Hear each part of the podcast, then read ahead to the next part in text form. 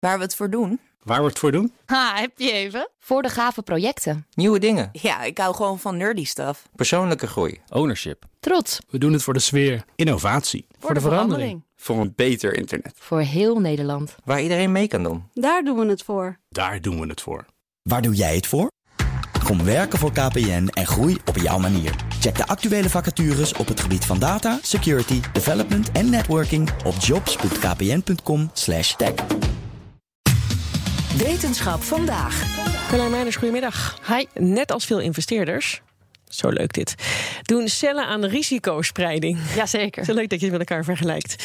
Uh, waarom nou? Om voorbereid te zijn op de toekomst. En dankzij nieuw onderzoek weten we nu ook hoe snel ze kunnen schakelen als de omstandigheden weer veranderen. Nou, jij gaat straks vast vertellen waarom dit belangrijk is. Zeker. Maar laten we even beginnen bij het begin. Ja, deze onderzoekers kijken al een tijdje naar hoe cellen informatie uit hun omgeving verwerken.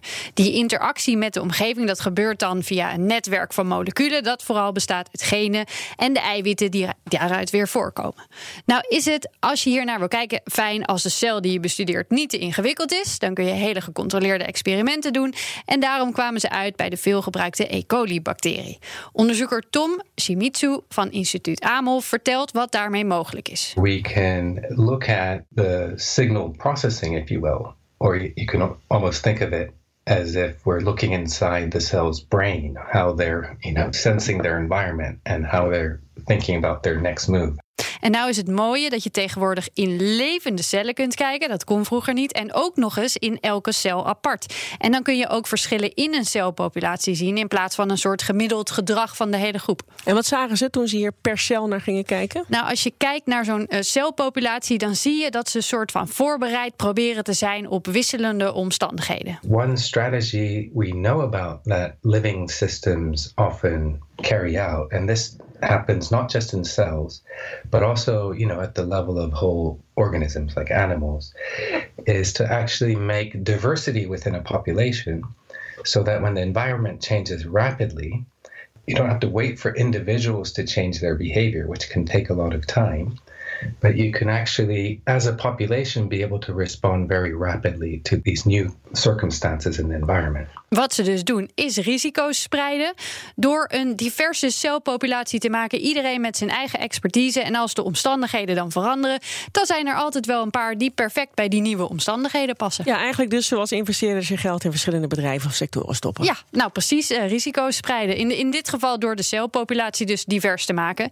Wat ze ook weten is dat zo'n uh, populatie daarvoor ook de verdeling van energie van voedingsstoffen moet aanpassen. Alsof je eigenlijk zegt: deze situatie vraagt om een brandweerman. Haal de brandweermannen van stal en geef ze allemaal genoeg te eten om hun werk te doen. What we found is that they can adjust these bets, if you will, of how they invest in different specialists in the population, they can make these changes extremely rapidly. Wat werd er nou altijd gedacht? Dit soort veranderingen, dus in welke cellen gaat de populatie de energie stoppen in die nieuwe situatie, dat die heel veel tijd nodig had. En uh, dat dit dus eigenlijk vanuit de genen in die cellen moest gebeuren. En dat kost minuten, soms uren. Maar wat ze in dit onderzoek zagen, is dat zo'n celpopulatie dit veel sneller kan. Binnen een paar seconden zelfs. En dan komen we bij, waarom is dit nou een belangrijke vondst?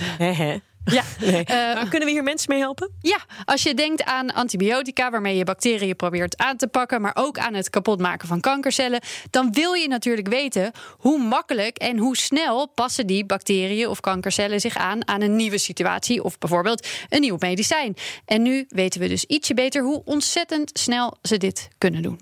Carlijn, dankjewel. Ook Diana Matroos vind je in de BNR-app. Ja, inderdaad. Je kunt live naar mij luisteren tijdens de Big Five. Ook handig in de BNR-app. Breaking nieuwsmeldingen, maar ook het allerlaatste zakelijke nieuws. En je vindt in de app alle BNR-podcasts, waaronder Wetenschap Vandaag. Download nu de gratis BNR-app en blijf scherp.